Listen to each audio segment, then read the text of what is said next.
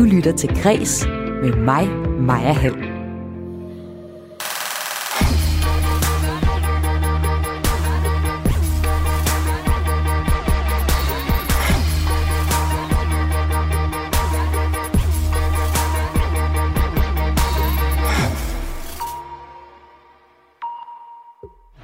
Det er uhyggeligt. Ikoniske linjer her kommer fra Lars von Triers tv-serie Riget. En ny og tredje sæson af kultserien er lige nu i gang med at blive indspillet. Og her er de to opvaskere i kælderen på Rigshospitalet, hvor serien foregår. De er blevet opdateret med to nye skuespillere. Den ene, det er en robot, og den anden, ham kan du møde lige om et øjeblik her i kulturprogrammet Græs. Alex, you're muted. Alex, du har slukket din mikrofon. En øh, ret klassisk fejl i et Zoom- eller et Teams-møde. Jeg tror, vi alle sammen har prøvet det. Biden her, du lige hørte, den kommer fra et videoværk og er blandt øh, flere digitale kunstværker, som et hold danske forskere har set nærmere på. For når krisen rammer, som det gjorde med corona, og alt forandres, så kan kunsten både hjælpe os med at forstå de forandringer, vi nu skal navigere i, og også fungere som et monument, der kan hjælpe fremtiden. Verden over har digitale kunstnere belyst, hvordan coronakrisen har ændret os, og det viser et nyt forskningsprojekt fra Aarhus Universitet, som det skal handle om i udsendelsen i dag. Ich habe keine Lust, mich nicht zu hassen. Hab keine Lust, mich anzufassen. Ich hätte Lust zu. I næsten 30 år har de her Ramstein inds- eller spillet helstblæsende koncerter iført læder og med en flammekaster i hånden for at synge dybt provokerende tekster på et sprog, de færreste af deres fans forstår. I fredags udkom tyske Ramsteins 8. studiealbum, og i næste uge starter deres verdensturné. Jeg tegner her et kreds et portræt af det grænseoverskridende metalband, og det gør jeg senere i udsendelsen. Velkommen indenfor. Mit navn er Maja Hall.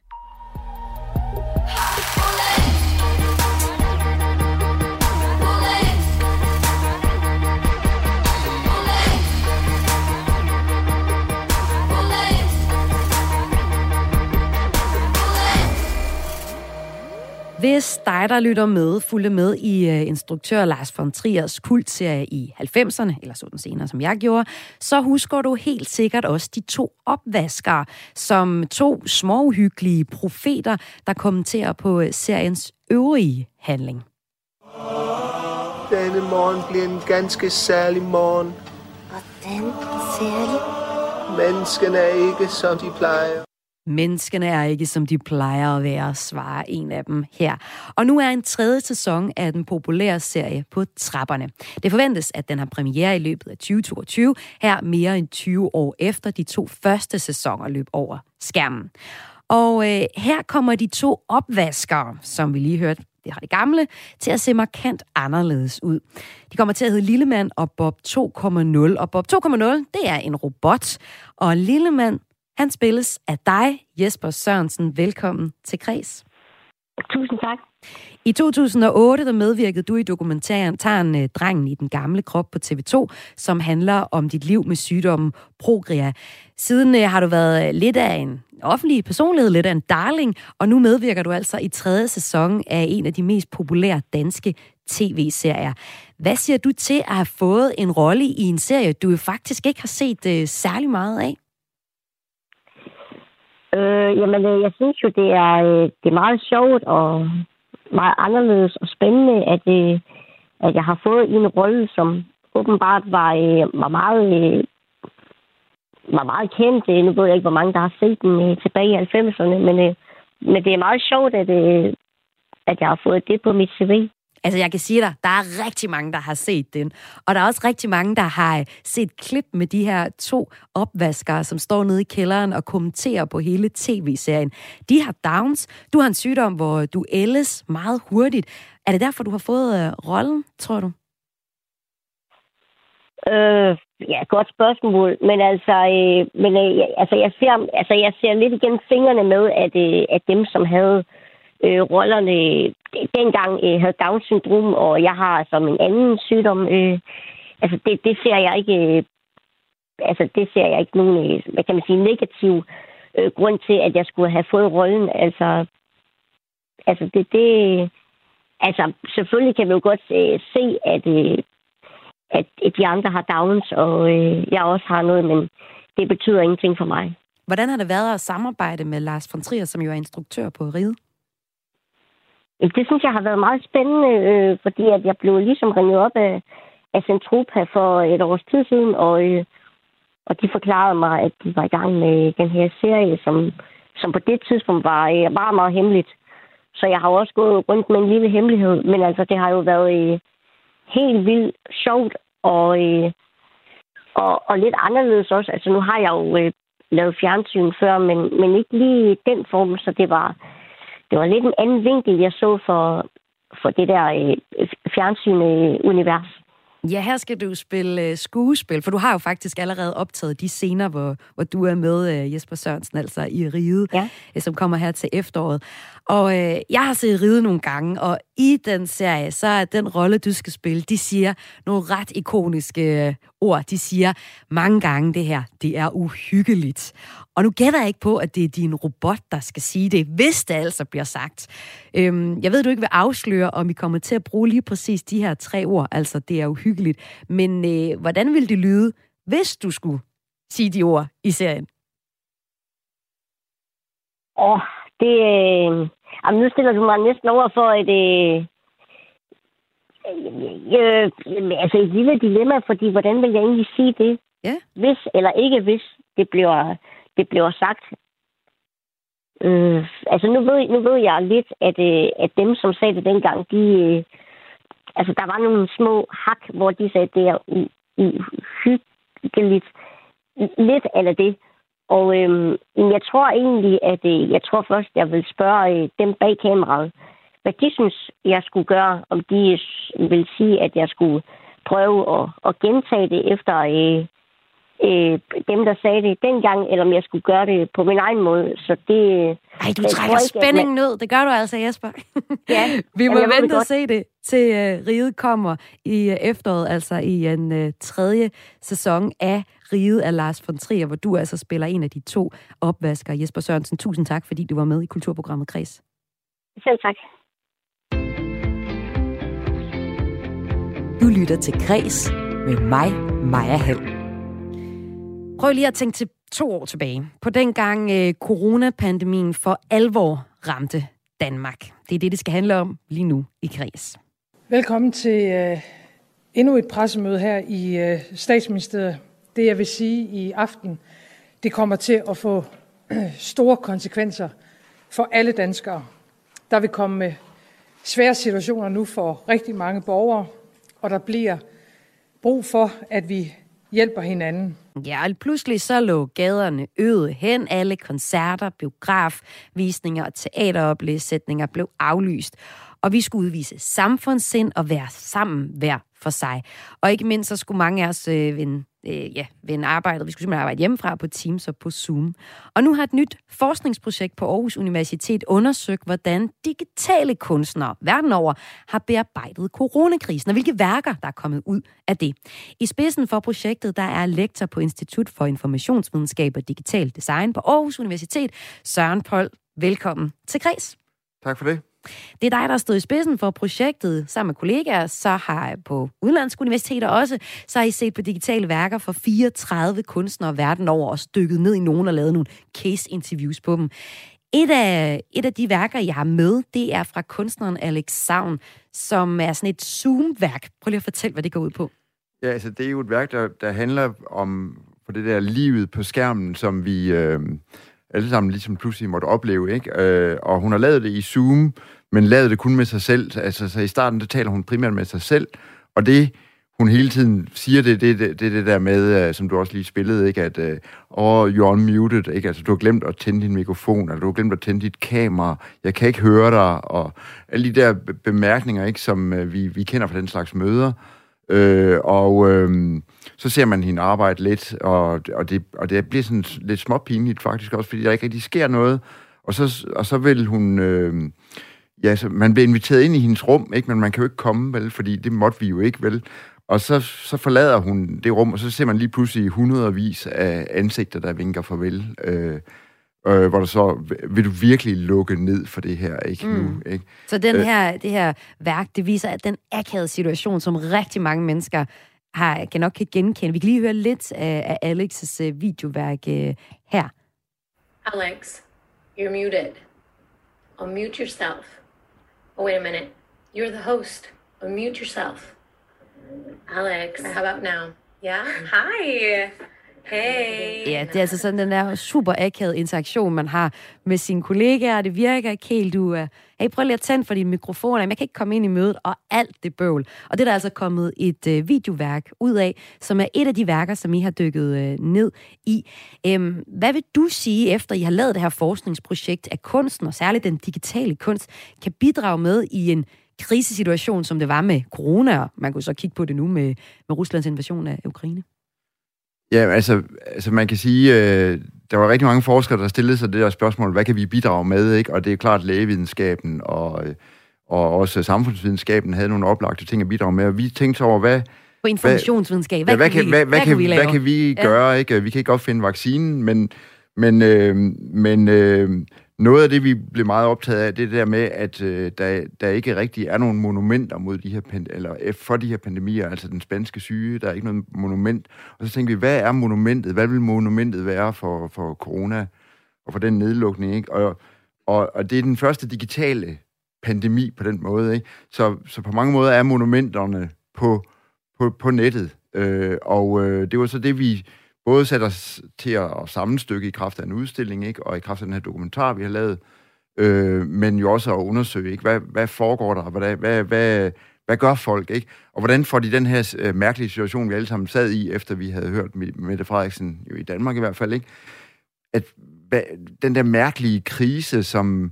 Altså en af mine gode venner, som spiller meget computerspil, sagde på den måde, at, at at hvis, hvis vi alle sammen skulle dø af en, af en, af en mærkelig virus, ikke, så havde man ikke forestillet sig, at det så sådan ud, vel? Altså, mm. så havde man forestillet sig jo, altså, ja, monstre i gaderne. Ja, det er og sådan noget, en usynlig virus, der gjorde, at vi alle sammen kravlede fuldstændig online og fik et helt digitalt liv.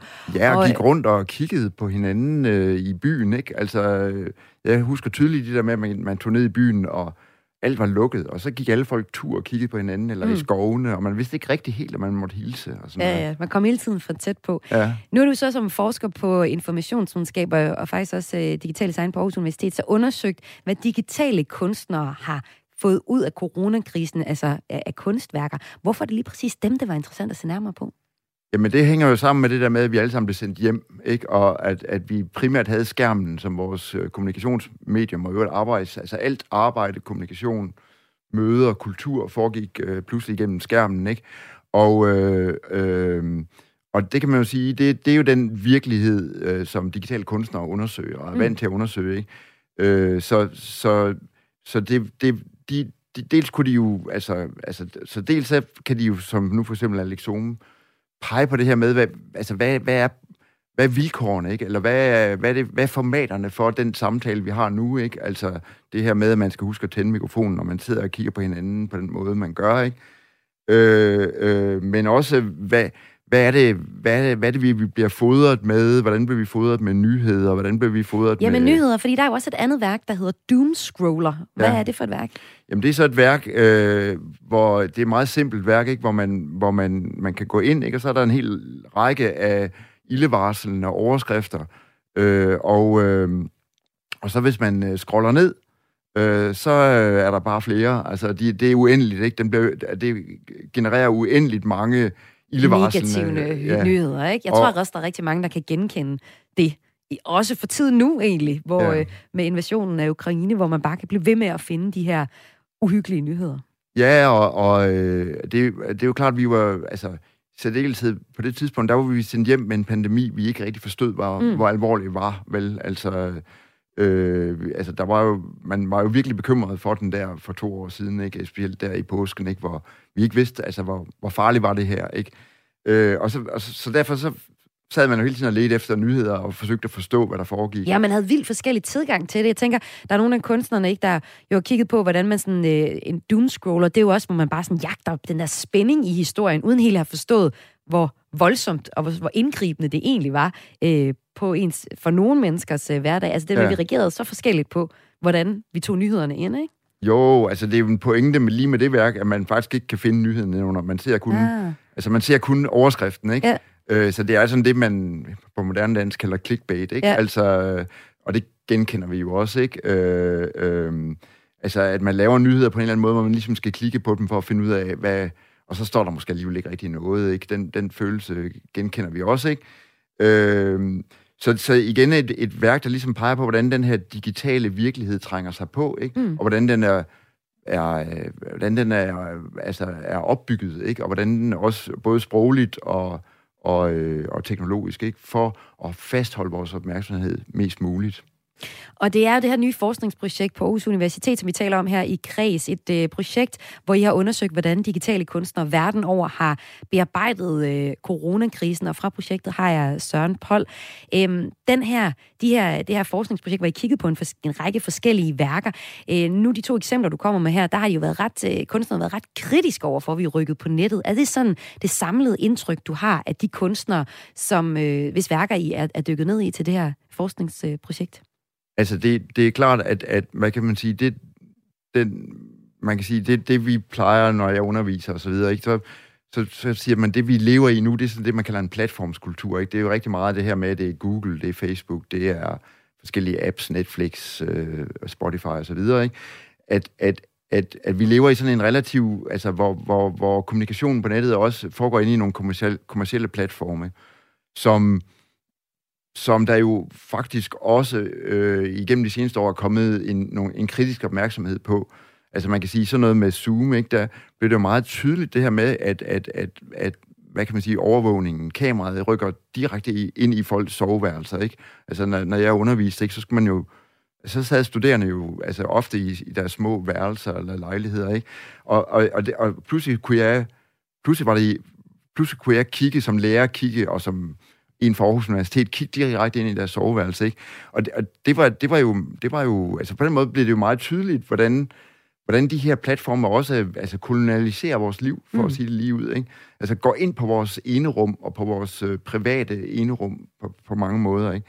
Og, og, øhm, og det er der en del af, af, kunstnerne, der, der, der, der også udforsker kritisk, ikke? Øh, og på den måde peger på altså problemerne i den her form for, for platformskultur, problemerne med, med ja, Google, øh, Zoom, øh, Facebook og Og, og kamera lige face ind i Ja, en soveværelse. ja, ja.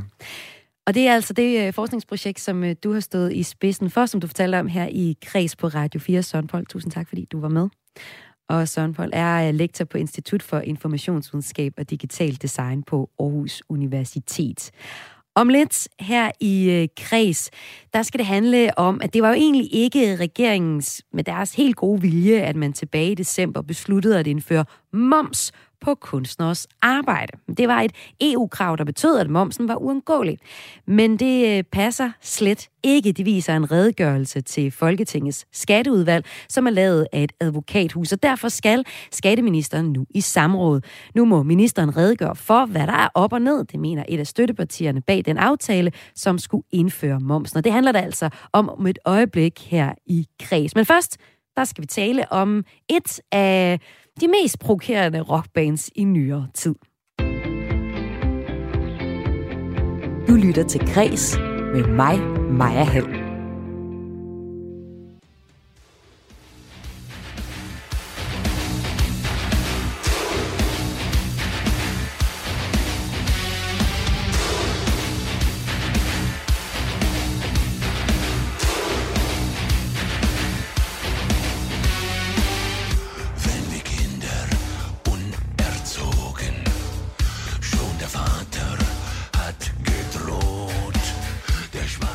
Ikoniske, tonstunge tyske metalband Rammstein er tilbage.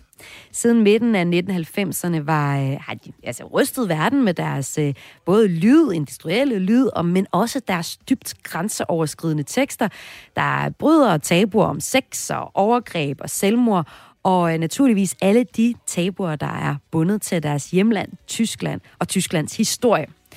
I fredags, der udkom Ramsteins 8. studiealbum Sights, og i næste uge, der tager de hul på en omfattende verdensturné, der blandt andet bringer dem forbi Sears Arena i Aarhus. Og i den anledning, der giver jeg i dag her i kreds et portræt af et af nyere tids mest grænseoverskridende metalbands.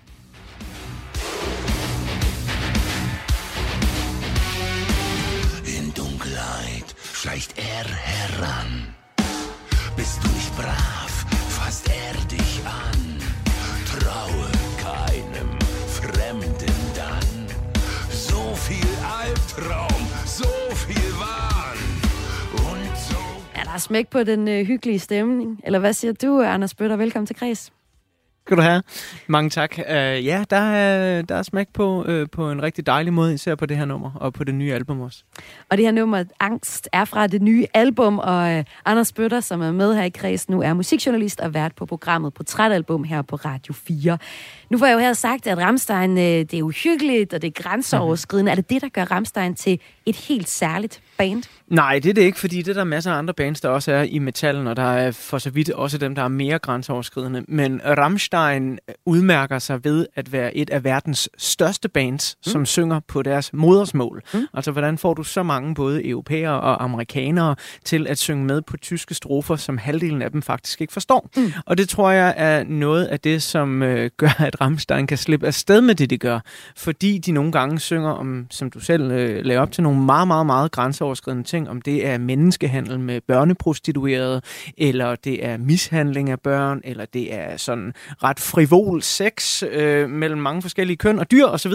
Øh, men det kan man jo gøre på tysk, øh, hvis man så samtidig kan finde ud af at skrive en god melodi. Mm. Og tyskerne, de har jo altid været gode til melodier i deres schlager-tradition. Så Rammstein, de blander altså også noget fra den traditionelle tyske schlagermusik med metal, og så øh, jamen, industrial og det, man kalder et fedt guitar riff, der ligesom bare kører der ud af. Så rigtig, rigtig mange mennesker kan være med på det her. Så Anders, det du faktisk siger, det er, fordi der er øh, krydret med en rigtig meget gang øh, metal og slaggerits, og fordi det er på tysk, mm. så kan de simpelthen slippe afsted med at, øh, at synge om de her ting. Altså, det er derfor, de ikke er blevet cancelled.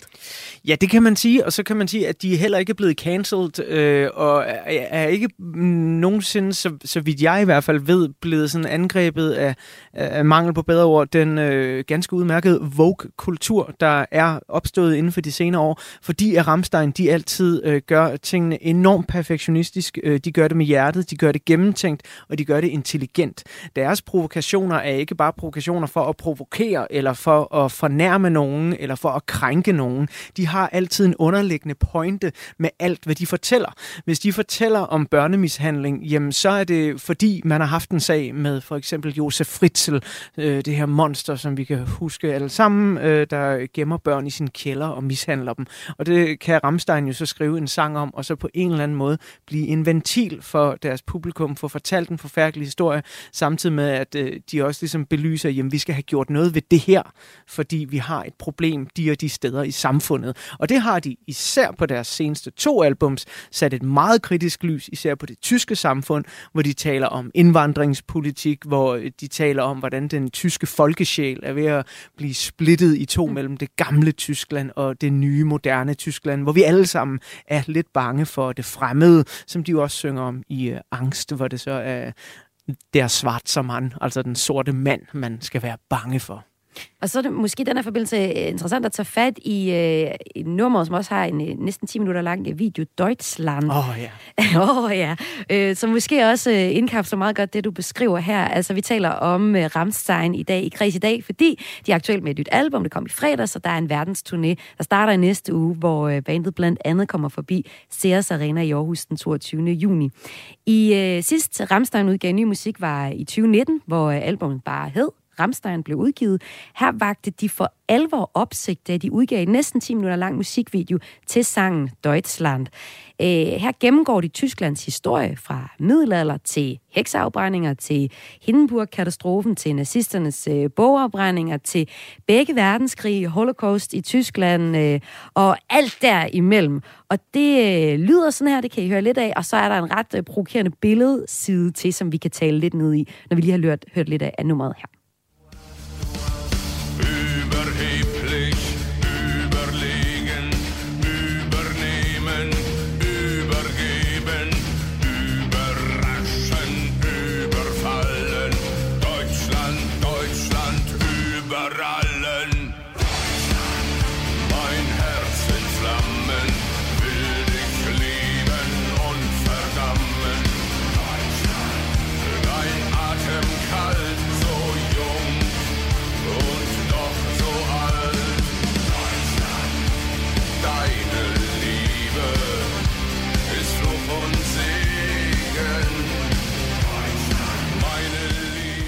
Anders Bøtter, du kalder øh, videoen og musikken her med Ramstein for et stykke vigtigt samtidskunst. Hvad mener du med det?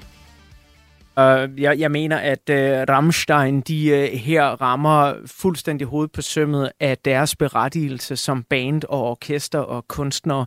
De får spidet den tyske folkesjæl ved at lave en musikvideo, der er enormt æstetisk smuk. Altså det er nærmest en lille kortfilm, de har lavet, og man kan se, hvis man ser den. Jeg vil opfordre alle lyttere af kreds til, når programmet er færdigt og I ikke skal høre radio mere, så gå ind og find den her video og se den, fordi det er simpelthen så smukt lavet. Men der får de taget hele hele Tysklands meget smertefulde historie og gjort den til sådan noget smuk æstetik med en masse provokerende billeder. Man har blandt andet sådan øh, den øh, tyske folkesjæl, som bliver øh, afbildet af den her ridder, der kommer ind i billedet. Men i Ramsteins version, der er det altså en afroamerikansk kvinde. Og der skal nok være de tyske højre nationalister, der har fået kaffen galt i halsen, når de har set det. Og lige på samme måde, så får de ligesom ligesom øh, spidet den tyske folkesjæl, hvor man sådan siger, jamen vi har en masse at være stolte af, men den stolthed, den kommer altså også bare af en historie, der er voldsom og virkelig sindssyg. Og, og tilbage til det her med, hvad de kan slippe afsted med på tysk. Ikke? Man hører jo her, at de synger Deutschland, Deutschland, über allen. De, de synger ikke über alles, som man gjorde i gamle dage i nationalsangen, de forbudte toner. De synger über allen, og så laver de simpelthen sådan en hel opremsning af, jamen altså, det er det her, der får mig til at kaste op. Det er det her, der gør, at jeg vemmes. Og så lister de en hel masse ting, de vemmes over, og som de får brækfornemmelse over. Og til sidst kommer pointen. Men mest af alt, über allen, så er det Deutschland, jeg får brækfornemmelse over. Og samtidig så er det jo klædt i sådan en nærmest national hymne af en sang, ikke, som bare er så stærk. Og, og det er derfor, det simpelthen er et stykke samtidskunst, der er så sindssygt vigtigt. Og det lyder også som om, at de ikke vælger side. Nu snakkede vi tidligere om, øh, hvordan at, øh, at, at de kunne blive cancelled, hvis det var på engelsk, det her. At der vil være nogen, der synes, at de går over grænsen, og de fortæller en historie, som de ikke er berettiget til at fortælle. Øh, og, men det lyder som om, at de ligesom, mm, hvad skal man sige, er, er, er hårde øh, over for alle? Altså, der er, ja. der er ikke nogen, de holder ja. med, eller hvordan? Nej, det, det er der ikke. De har politiske pointer og politiske agendaer, men, men det vil altid være jamen, medmenneskelighed er en stor værdi i Ramstein. Så, så hvis de synger om, at der foregår børnemishandling, jamen, så kan du også på deres øh, hjemmeside læse, hvordan undgår vi børnemishandling. Mm. Her er nogle grupper, du kan støtte osv.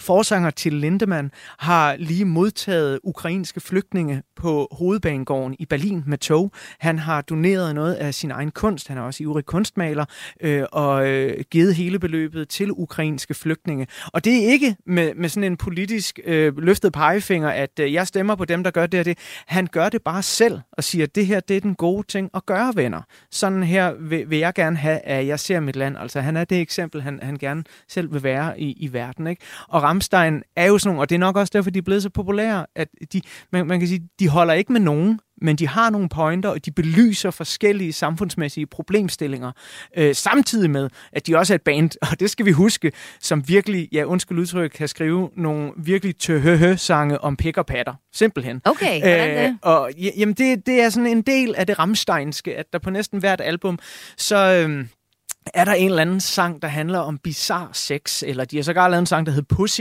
som mere eller mindre var sådan et stort pornografisk orgie, selvfølgelig med en musikvideo til, der blev forbudt over det meste af verden. Ligesom at de på den nye plade her, Sight, har et nummer, der hedder OK, og det står for One Kondom, altså uden kondom, at dyrke sex uden kondom, øh, og de har en sang, der ganske enkelt hedder Store Patter.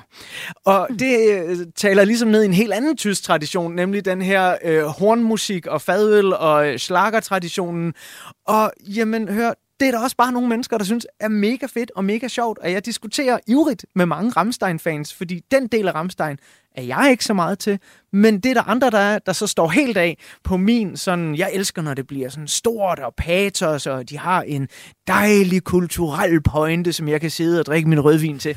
og det er andre Ramstein-fans jo pisse ligeglade med. Men vi kan mødes på alverdens kæmpe store koncertarenaer, når de giver koncerter, så kan vi have en fælles oplevelse. Så det er virkelig et band, der jo også bare skaber en hel masse fællesskab, og man må ikke undervurdere, når vi sidder her i lille Danmark. Det kan godt være, at jamen, nu snakker vi om Ramstein i kreds, men det er jo ikke noget, man hører sådan voldsomt meget om, når de udgiver en ny plade. Når de udgiver en ny plade i Tyskland, så er de altså med i, hvad der svarer til TV-avisen, TV2 News. Øh, der er kæmpe interview i øh, Spiegel, det helt store journalistiske magasin osv. Ikke? Så Altså sammen med, med Volkswagen og BMW, så er Ramstein nok noget af det, der bliver eksporteret allermest fra Tyskland. Nu tog vi lige udgangspunkt i den her musikvideo til øh, Deutschland, altså fra deres seneste, eller fra deres tidligere album, albumet fra øh, før det nye album. Ja. Og øh, den, når jeg ser den, så siger du, det er det æstetisk, og øh, det er flot lavet, og, men det er jo også en masse ild og vold og hagekors og ja. altså, ja. Ja. holocaust-referencer. Så du siger, der er ligesom den ene del af Ramstein-fansene, som godt kan lide øh, også en pick patter delen mm. af Ramsteins tekstunivers, og så er der dig og en anden del af det, der godt kan lide, når det ligesom har noget mere på hjerte. Mm. Hvordan får du noget mere på hjerte ud af et univers, som er præget af så meget ild og vold og hagekors og holocaust-referencer? Jamen det gør jeg jo, fordi at livet er brutalt. Altså, menneskeheden er en brutal race. Øh, det, det er jo ikke noget, jeg synes. Det er jo et faktum. Og det er jo et faktum, at Tyskland har haft en voldsom historie. Ligesom Danmark også har det, og England har det, og mange andre lande har det. Men Ramstein, de bliver bare hele tiden ved med at minde det tyske folk om, at jamen prøv at høre, det er det her, vi kommer fra. Og, og så må vi jo forholde os til det. Så de belyser de her ting, synes jeg, på en enormt intelligent måde, fordi der er, der er den historie, som, som kører i overfladen, der handler om, nu viser vi nazismen, og vi viser holocaust, og vi viser alle de her forfærdelige ting. Men underliggende, så ligger der jo det helt store spørgsmål, hvem er vi som folk? Og man kan sige, Ramstein især inden for de seneste par år, øh, repræsenterer jo i Tyskland, der jo i den grad har været ude øh, for nogle massive ændringer, bare fra det seneste album, der var Deutschland er på, kom i 2019, og frem til Zeit, der kom i fredags. Der har Tyskland fået ny kansler for første gang i rigtig, rigtig mange år. De har, ligesom alle os andre, været igennem en coronapandemi. Tyskerne fandt bare ud af, det var de ikke givet til rent digitalt, øh, fordi de virkelig er bagudstående, hvad angår digitalisering i landet, og de har, ligesom mange andre europæiske lande, nu en mulig flygtningekrise fra Ukraine stående og banke på deres dør. Og det er bare rigtig meget, der er sket på de år. Og Ramstein rammer med deres nye plade igen tidsånden, fordi den hedder Zeit, den, den hedder tid. Og det er så i øvrigt måske også øh, tiden til, at Ramstein takker af som band. Det kan være det her, det øh, bliver deres sidste plade. Det er der i hvert fald flere hentydninger til på Hvorfor? albumet. Jamen, øh, der har været rygter om det i Tyskland i mange år. Øhm, og jeg var faktisk sådan, øh, måske lige hurtigt nok på aftrækkeren og lidt kold høn, og da de så udgav den her øh, Deutschland i 2019, der sagde jeg, at det her, det er peaket på deres karriere, og det er dem, der siger farvel og tak. Mm. Øh, nu har vi sagt, hvad vi gerne vil sige. Og rygterne har kørt, og nu kan man så sige, Side her bygger bare videre på det univers, der var på 2019-albummet, der, der jo bare hed Ramstein og, og Deutschland-singlen. Øh, fordi det handler om tid, det handler om forgængelighed, det handler om dødens naturlige indtræffen, og så er det sidste nummer, det hedder Adieu øh, hvor der bliver synget øh, adieu, bye bye, auf Wiedersehen. Og øh, ja, det kan virke lidt corny, og sådan, ja. men det tror jeg nu sådan set, det kunne Ramstein godt finde på, at, at være så corny og gå ud med et nummer, der simpelthen bare hedder farvel.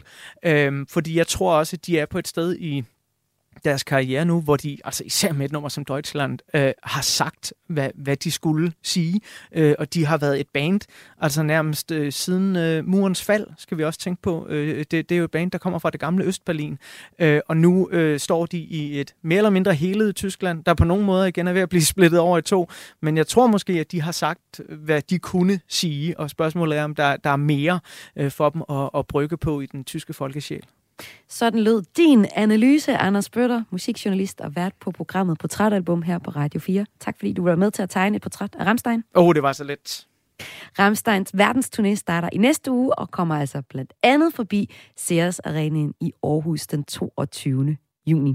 Om lidt her i Kreds, der skal det handle om, at det i dag er Danmarks befrielsesdag, men øh, først så skal du høre om en advokatundersøgelse, der så tvivl om regeringens argument om, at man på grund af EU-retten er nødsaget til at indføre moms på kunstnerisk arbejde, der måske kan betyde, at det bliver dyrere at købe kunst. Du lytter til Græs med mig, Maja Helm. Regeringens storstilede plan om at forbedre økonomien i fængselsvæsenet, blandt andet ved at lege og lejre øh, med fængselspladser i Kosovo, skulle egentlig delvist være finansieret gennem en ny moms på kunstnerisk arbejde. Men den plan står, slår en ny redegørelse fra advokathuset Gorisen og Freder Spejl nu tvivl om. Siden 1978 har danske kunstnere ellers været fritaget for at betale moms, når de modtager rettighedsmidler for deres arbejder. I december argumenterede regeringen dog for, at man var nødsaget til at indføre moms på kunstnernes rettighedsmidler på baggrund af et EU-krav. Men det er altså ifølge redegørelsen fra advokathuset ikke tilfældet, skriver Berlingske. Og nu har øh, Ja, det har simpelthen nu fået Venstre og Enhedslisten til at kalde skatteminister Jeppe Brugs i samråd. Redegørelsen fra advokathuset Gorissen og Frederik Spejl bør nemlig få regeringen til at tænke i helt andre baner, mener Venstre skatteordfører Louise Schack Elholm. Det fortalte hun, da hun talte med min kollega Søren Berggren Toft her inden udsendelsen. Jamen det viser, sig, viser jo, at regeringen har brugt forkerte argumenter i deres debat. De har hele tiden skubbet EU foran sig som værende en, øh, en bussemand, som gør, at vi er nødt til at indføre den her moms på kunstnerisk virksomhed, og det holder jo ikke en meter. Så derfor så vil jeg opfordre regeringen øh, til at droppe det her forslag. Men er det ikke meget, altså vi er, jo, vi er jo vant til i vores samfund at betale moms for alt muligt andet. Er det ikke meget fint, der også er moms på kunstnerisk arbejde? Jeg synes ikke, at vi skal hæve øh, skatten på, på kunstnerisk virksomhed. Altså i forvejen har kulturlivet været rigtig hårdt ramt øh, hen over corona, og det sidste, de har brug for, det er øgede udgifter. De har haft år, hvor de nærmest ikke har kunne tjene deres penge. Øh, så vi har ikke brug for det ekstra afgifter på kulturlivet. Og i øvrigt, så synes jeg selv ikke, at danskerne skal have endnu højere skatter. Vi kæmper med højere priser på alting og har svært ved at få råd til vores hverdag. Så regeringen må til at, at finde andre måder at finde deres penge på, end bare at opkræve dem øh, hos danskerne. Hvad vil konsekvensen være, hvis man vælger at indføre moms på kunstnerisk arbejde? Jamen, det vil jo selvfølgelig være, at øh, både kunstnerne, men også forbrugerne skal betale den her regning, og det vil bruge, føre til et mindre forbrug af, af de her øh, varer, som får en ekstra afgift ovenpå sig. Så det vil betyde en nedgang i, øh, i kulturlivet, øh, og det vil betyde, at danskerne får færre penge mellem hænderne. Så hvordan bør regeringen og aftalepartierne nu forholde sig til den her aftale, hvor der kommer til at mangle nogle penge, hvis, øh, hvis, man, ikke, øh, hvis man ikke vælger at, øh, at pålægge moms på kunstnerisk arbejde? Jamen, jeg synes, vi skal gå hen og så se på, hvordan kan vi så finde de her penge? Altså, er der et sted, hvor vi måske kan lave nogle øh, besparelser, kan få tingene til at gå øh, lidt længere på literen? Man har for eksempel ansat rigtig mange i, den, øh, i, hvad det hedder, i ministerierne under corona. Det kunne da godt være, at man kunne prøve på at spare nogle penge, og så at finde nogle steder, man kunne finde penge, i stedet for bare at opkræve dem hos danskerne og i kulturlivet. Lød det her fra Venstres skatteordfører Louise Schack Elholm. Det gik ikke ubemærket hen i kulturlivet, da regeringen annoncerede, at man vil styrke kriminalforsorgen ved at lægge moms på kunstners indtægter fra rettighedsmidler. I et debatindlæg i politikken advarede 265 stemmer fra kulturlivet om at gøre livet for de danske kunstnere sværere efter en årrække præget af coronarestriktioner og nedlukninger. En af initiativtagerne bag debatindlægget var manuskriptforfatter og formand for Foreningen Danske Dramatikere, Nikolaj Scherfi. Han tager positivt imod nyheden om, at regeringen ifølge redegørelsen fra Gorisen og Frederiksberg Spejl ikke er tvunget til at øh, indføre moms på kunstnerisk arbejde på baggrund af et EU-krav.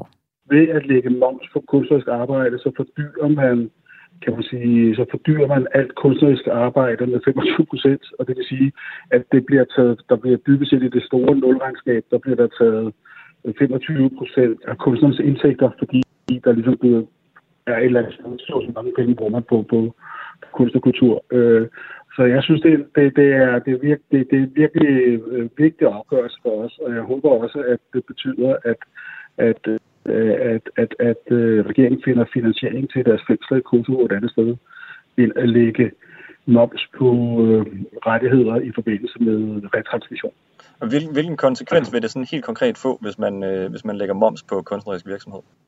Jamen, så betyder det, at, øh, at for forbrugerne bliver tingene 25 procent dyrere, hvis, du, hvis de køber et kunstnerisk produkt, øh, eller en, øh, en, en, en teater, eller en, en, et filmselskab, eller hvem efter køber, øh, hvem der også køber, øh, kan man sige, et manuskript, eller et øh, kunstværk, eller, at, øh, så, bliver det, så bliver det 25 procent dyrere. Og, øh, og så køber man jo, men da folk kun har, kan man siger, man har kun har 100 kroner, jamen så bruger man de 100 kroner altså sådan, du ved, i overført forstand. Og det betyder, at så bliver, så, så, så, så, så, så, så kører man det mindre kunst i virkeligheden, øh, samtidig med, at der bliver, altså, at, at, at, at, at, at der så er i virkeligheden så skab for kunst, som går ind i det store fællesskab. Men Nicolaj, vi er jo vant til at betale moms for, for alt muligt andet i samfundet. Hvorfor skal der ikke være moms på kunstnerisk arbejde?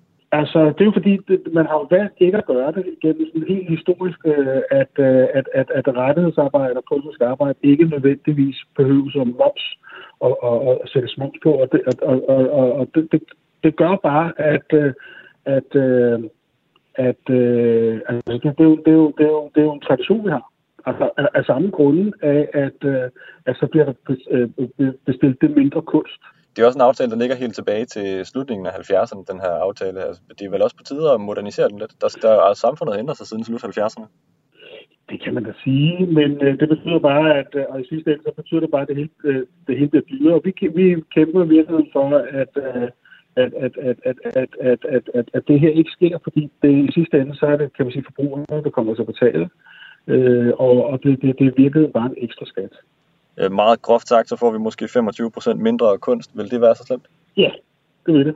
Så, du ved, så, så, så, så får du 25% mindre musik, dansk musik i radioen. Du får 25% mindre, mindre øh, tv-serier. Du får 25% mindre film.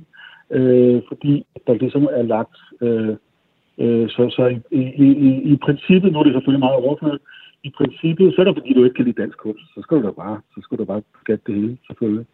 Øh, men, men hvis du virkelig synes, at dansk kunst og en dansk kunstnerisk stemme er vigtig, så er det her med til at, at, at formindske øh, indtægtsgrundlaget for dem, der laver det sagde her manuskriptforfatter og formand for Foreningen Danske Dramatikere, Nikolaj Scherfi.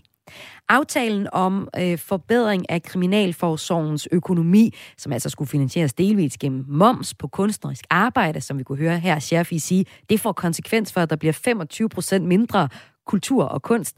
Det arbejde blev indgået mellem regeringen, Dansk Folkeparti, Konservativ og SF, og det gjorde det tilbage i december. Hos støttepartiet SF, der vil kulturordfører Charlotte Broman Mølbæk nu have skatteminister Jeppe Brugs til at redegøre for, om ønsket om at indføre moms på kunstnerisk arbejde i virkeligheden er knyttet til et EU-krav. Det er jeg da rigtig, rigtig træt af, at det er vurderingen, og, og derfor så vil jeg stille ministeren nogle spørgsmål, øh, fordi jeg mener, at øh, ministeren må redegøre for øh, det resultat i forhold til, hvad ministeriet selv har sagt omkring det her forslag. Hvilke spørgsmål vil du stille ministeren? Jamen, jeg vil spørge ministeren, hvad han mener om den øh, undersøgelse, der har været. Han må redegøre for, hvorfor de juridiske vurderinger er, som de er, når man øh, har sendt andre juridiske vurderinger omkring forslaget fra ministeriets side. Føler I i SF, at I er blevet ført bag lyset af regeringen på den her aftale her? Altså, det, det, vores samarbejde beror jo på tillid, så når vi får oplysninger fra et ministerie, en minister om øh, en, en finansiering øh, i et forslag, så er det klart, at det tror vi jo selvfølgelig på. Øh, og det er i øvrigt også det, som, øh, som man kan forvente, at ministerie og en minister skal levere på. Det er jo nogle nogle, øh, nogle gode oplysninger på, øh, hvad det her lovforslag det kan, også øh, hvad det indbefatter, når man bruger det som finansiering. Så det er klart, at, at det stoler vi jo på, og hvis det viser sig, at det ikke ser sådan ud, jamen så er det jo, vi, vi, vi har en udfordring. Og hvad vil der så være sket med den tillid, som jeres samarbejde beror på? Jamen det er klart, nu skal ministeren lige øh, have lov til at få spørgsmålene, og i øvrigt også øh, svare på dem. Øhm, og så må, vi, så må vi tage den derfra. Men det er klart, at, øh, at, øh, at, at det er da øh, bekymrende for, fra vores side, at, øh, at hvis det forholder sig sådan, at vi ikke kan, kan stole på, på de, øh, de ting, vi har fået at vide omkring det finansieringsforslag. Venstres øh, skatteordfører Louise Jacques Elmholm, hun, øh, hun peger på, at hvis den her vurdering fra Gorisen Federsbil, den holder stik, så bør regeringen finde finansiering et andet sted. Hvad mener du om det? Jamen, altså man kan jo sige, at det har jo ikke været SF's ønskefinansiering fra starten af. Så hvis der er et flertal i, af aftalepartierne, der gerne vil være med til at finde en anden finansiering, så er vi da villige til det. Øh, men det er jo klart, at vi har indgået en aftale, og, og vi stikker ikke bare sådan af eller tager øh, slagsmålet i, i pressen. Men øh, man er flertallet, der er netop inde i den øh, aftalekreds, øh, jamen så vil vi gerne være med til at, at finde en anden finansiering sagde her kulturordfører fra SF, Charlotte Brumann Mølbæk, og det sagde hun til min kollega Søren Berggring Toft. Og vi ville her på kulturprogrammet Kreds gerne have talt med skatteminister Jeppe Brugs eller Socialdemokraternes skatteordfører Troels Ravn, men de har ikke ønsket at stille op. I en skriftlig kommentar, der skriver Skatteministeriet, at de, og nu citerer jeg, vil nu læse grundigt ned i advokatredegørelsen og drøfte sagen med de ministerier, der har bidraget til den ministerielle arbejdsgruppes redegørelse. Du lytter til Græs med mig, Maja Hall. Og i dag er det Danmarks befrielsesdag, og det markerer man blandt andet i Holstebro med en koncert- og fællessangsaften. Og den begivenhed anbefaler ugens kulturagent her i Kreds, der netop er fra Vestjylland. Man binder os på mund og hånd med vandens tusind fine bånd. Og det er besværligt at sig fri. Man binder os på mund og hånd er en af sangene, man kan høre til aftens begivenhed i Musikteateret Holstebro. Det er en PH-sang, og øh, det er egentlig en revysang, som originalt øh, havde en antinazistisk tekst. Men da Danmark blev besat, så blev der indført censur, og PH måtte skrive en helt ny tekst, hvor kritikken af krigen var mere sådan subtil, mere skjult, sådan at sangen blev godkendt af censuren. Græs vi har øh, kulturagenter fordelt over hele landet. Deres opgave er at finde frem til de bedste oplevelser og mest interessante debatter i deres nærområde. Og ugens kulturagent kommer fra Vestjylland og anbefaler begivenheden Kunsten at glædes i kor. Det er en begivenhed, der blander koncert, hvor man blandt andet kunne høre øh, den her sang med binder os på mund og hånd. Og det er også en begivenhed, der blander fællessang og fællesskab om såvel gamle som nye sange og musik om besættelse og befrielse. Det fortalte Katrine Sørensen Bæk til mig tidligere på ugen. Vi har den her fantastiske øh, bog, den blå bog, som i virkeligheden er den allermest solgte bog i Danmark, nemlig højskolesangbogen. Øh, og sådan med udgangspunkt i den, så, øh, så har vi sådan en tradition om, at vi, vi synger, når, når vi er sammen. Øh, og det kan skabe det her fællesskab, øh, også når tingene er svære, øh, og når tingene øh, er glæde, og når der er glæde. Øh, så, så det her kunsten at glædes i kor, det er i virkeligheden sådan en... Øh, en fantastisk anledning til at mødes øh, omkring noget, øh, nemlig sangen. Og det er også for at markere øh, det her forsinkede markering af, af 75-året for Danmarks befrielse, som jo var i, i 2020. Mm, ja, fordi kunsten er glæde til kor, det er ja, et forsinket, lettere forsinket, det er faktisk to år forsinket markering af 75-året for Danmarks befrielse. Hvorfor tænker du, at det er en særlig interessant ting at, at skulle synge til sådan et arrangement som, øh, som på torsdag? Ja, det er fordi, det er, det, er jo, det er jo en tradition i Danmark, øh, at vi synger, når, når hvad hedder det, når vi gerne vil øh, ligesom skabe et fællesskab. Øh, der er sådan et billede, øh, låsesmeden, han har sådan en bankenøgle, og den kan åbne alle døre. Øh, og det kan fællesang også. Øh, det kan skabe de her øh, fællesskaber på tværs mellem mennesker, og man føler den her sam, samhørighed, øh, når man er sammen om at synge. Øh, det her alsangbegreb, det, øh, det opstod jo under besættelsen øh, i 1940, tror jeg det var, hvor at, øh, danskerne de mødtes øh, i hele landet og sang øh, netop for, tror jeg, at skabe den her samhørighed i en svær tid, nemlig under besættelsen. Øh, mm. Og, og det er jo noget, vi har set en... igen under corona, alsangs ja. øh, fænomenet, hvor vi synger sammen. Men altså, øh, kunsten at glædes i kor, det er din kulturanbefaling i den her uge som kulturagent i Midt- og Vestjylland, som du er her i Kreds Katrine Sørensen Bæk. Og øh, det er et event, som man kan opleve på torsdag, hvor det er befrielsesdagen. Og hvis vi lige skal rise historien op, så var det sådan, at øh, den 4. maj for ja, så er det jo så 77 år siden kl. 20.35, der røg øh, ud i æderet. Og det æderne, det gjorde den efter fem mørke år under tysk besættelse. Så var Danmark fri igen. Vi var et selvstændigt land. Og lørdag den 5. maj 1945 kl. 8 om morgenen, der øh, holdte Christian den 10. en taler. Den synes jeg bare lige, vi skal høre et lille klip af, for lige at mærke historiens vingesus her i Kreds på Radio 4. Danske mænd og kvinder. Den tyske besættelses tunge år er hævet, og med dyb taknemmelighed og glæde hilser vi i dag vores befriere, de allierede magter. Vi kan nu ret frit hejse vores gamle flag. Ja, sådan lød det altså i radioen den 5. maj, og øh, det er det også på torsdag, og i den anledning, så er der arrangementet Kunsten at glædes i kor, som øh, du anbefaler. Hvad kan man opleve til det her kor- og sangarrangement, som det er, og som altså er i Musikteateret øh, Holstebro, øh, Katrine? Jamen, man kan opleve en koncert, hvor, øh, hvor der er indlagt øh, fællessang undervejs, øh, og man kan opleve nogle øh, dygtige musikere. Øh, Sine Jul kender jeg personligt, øh, fordi hun har, hende har jeg hvad hedder det, hørt før, øh, og hun er en super dygtig øh, jazzsangerinde, som øh, formidler øh, også danske sange rigtig fint, øh, og har lavet flere udgivelser med det. Øh, men en, en god besætning, øh, og så kan man også øh, opleve et øh, sådan et øh, stemningsfuldt øh, setup, hvor man vil lege med lys og mørke, øh, for ligesom at markere det her, den her befrielse. Ja, hvordan Øh, det? så jeg tror, skal, det bliver skal lyset fint slukkes i, i salen, og så noget frem med nogle øh, sterinlys, eller hvordan? Ja, det tænker jeg. Mm. Vi skal frem, vi skal, øh, i hvert fald så er publikum øh, inviteret til, at- til at medbringe noget, øh, noget kunstig sterinlys, eller sin mobiltelefon, som man jo også tit bruger. Så jeg tror, det bliver en, øh, en rigtig stemningsfuld aften. Og øh, arrangementet Kunsten at glædes i kor, som er på Musikteateret Holstebro på, på torsdag på Danmarks Befrielsesdag, øh, det anbefaler du som kulturagent, Katrine Sørensen Bæk. Hvem anbefaler du det her arrangement til?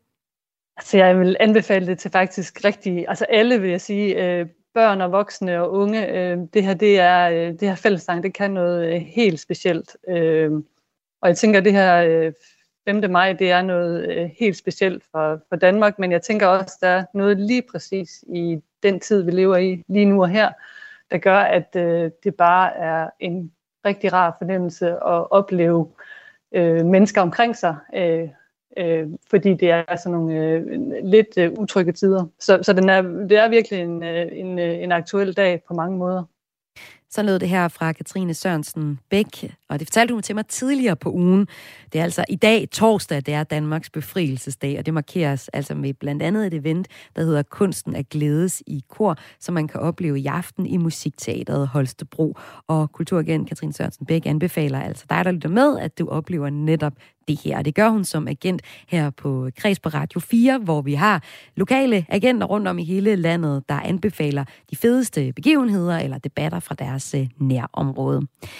Kreds er ved at være færdig for i dag. Det øh, er et program tilrettelagt af Søren Berggren Toft. Om et øjeblik efter en nyhedsoverblik, der kommer eftermiddagsprogrammet Missionen.